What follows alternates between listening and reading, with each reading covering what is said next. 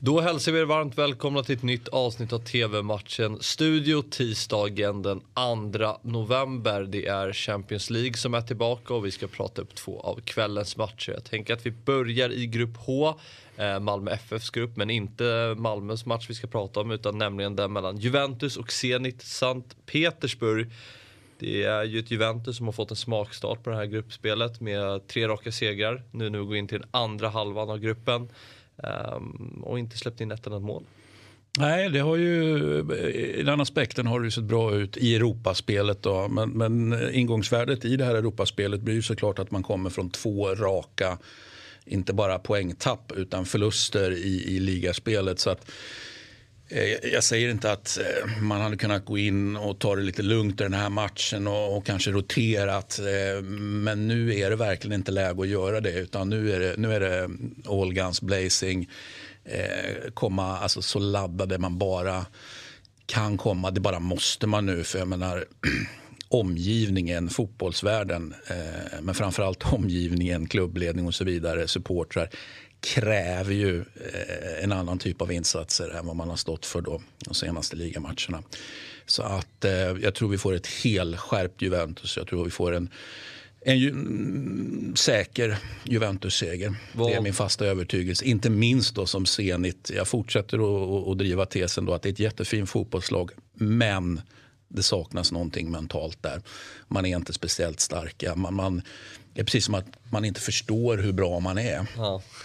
Men det känns ju lite som att det är den här gruppen att kommer stå mellan Juventus och Chelsea om om den här gruppsegern och Zenit tredje plats och sen Malmö mm. som mm. hopplös jumbo egentligen. Ja. Ja, Malmö pratar vi inte om längre liksom, för att det fick ju ett väldigt tråkigt slut. Eh, och nu är det ju inte slut än, men det känns ju som att det redan har tagit Malmö FF slut det här gruppspelet. Så att eh, vi får fokusera lite grann på, på andra de, matcher. Inte ens de vill prata om det. nej, nej, så är det väl. Rotera Champions League och prioritera allsvenskan. Det är det som hörs där nere just nu. Men du tror på en klar Juventus-seger eh, här? Ja. Och eh, intakt nolla kanske? Ja, varför inte? Mm. Eh, alltså det, det är väl, jag säga, det är inte så viktigt. Det är klart att det alltid är viktigt att hålla nollan. Det är, inte, det är liksom inte hela världen om man släpper in ett såklart. Men, men man släpper ju inte in två här. Det finns, det finns inte på kartan. Så en, en hyfsat komfortabel eh, seger, om det nu finns komfortabla seglar. Mm. 21.00 startar matchen och eh, ni ser den på Simor. Nu till en eh, lite mer svårläst match. Eh, den mellan Atalanta och Manchester United. Två lag som mötte varandra för två veckor sedan. Då stod ju United för en heroisk vändning får man lov att säga. Från 0-2 till 3-2 i den andra halvleken. Mm. Och eh, Solskär tog en viktig seger i helgen mot Tottenham som man borta besegrade med 3-0. Och eh, den här som vi sa. Som vi, vi sa, sa ju att det ja. skulle bli stor marginal. Vi pratade till och med att det kunde bli fyra och fem mål. Ja, nu blev det tre då, men, men eh, vi läste den väldigt rätt. Vi, vi pratade om det innan.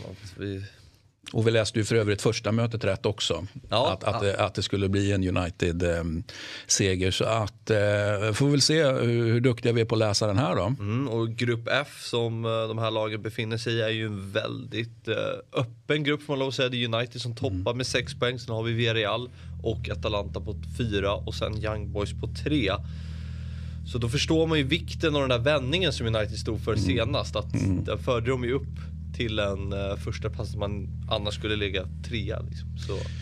Ja, och nu får ju Atalanta, vad jag kan bedöma i alla fall, tillbaka, man har ju haft, eh, alltså, jag ska inte säga tunga skador, men de har haft ganska många skador då på potentiellt eh, startelva-spelare. Och det var ju lite många eh, mittbackar som blev skadade samtidigt. Nu är ju två faktiskt vad jag kan bedöma då, tillbaka både Demiral och Toloi. Vilket betyder att Derun då kan flytta upp på, på mittfältet igen. Då. Så att skadesituationen ser ju eh, bara jämfört med första mötet då, mellan, mellan Atalanta och United så är skadesituationen bättre nu för Atalanta än vad den var då. Mm, och eh, Atalanta hemmaplan. Tror jag den här matchen. Det är ju det är viktiga poäng på spel här. Mm. Det är en match jag kommer titta på. Ja, är, klistrad kommer man sitta, så är det. Nej, jag tror... Ehm, eh, alltså, man vet ju inte vad man har här United. Det, det är ju så. Eh, jag, jag, jag är inte beredd att liksom tro att allting är frid och fröjd. Och det är väl ingen som tror att allting är frid och fröjd. med det sagt så är ju Atalanta notoriskt jag ska inte säga notoriskt svaga för de är notoriskt starka men, men de är ju väldigt eh, så, så säga, starka i sin offensiv och sen eh, så slutar man ju inte att vara offensiv även om man tar ledning i matcherna utan, och så slutar det rätt ofta om det är riktigt bra motstånd då, med att man faktiskt då blir ikappsprungna och kanske då även förbisprungna då, precis som skedde i första mötet. Så det är ju inte, det, det är inte alls omöjligt att samma sak faktiskt händer igen. Okay. Så du tror på Eh, jag hoppas vid gud på hemmaseger men eh, jag tror väl faktiskt att United eh, på något sätt steppar, det låter konstigt att säga United steppar upp. Det känns som att man kan inte använda de två orden samtidigt men jag tror ändå att United på något sätt steppar upp här och faktiskt mycket möjligt så att säga, ligger under i matchen men, men sen liksom till slut då krigar till sig den här bortasegern. Mm. 21.00 startar matchen, precis som mötet mellan Juventus och Zenit och ni ser den på Simor. Det var allt för idag. TV-matchens studio är tillbaka imorgon igen. Hej!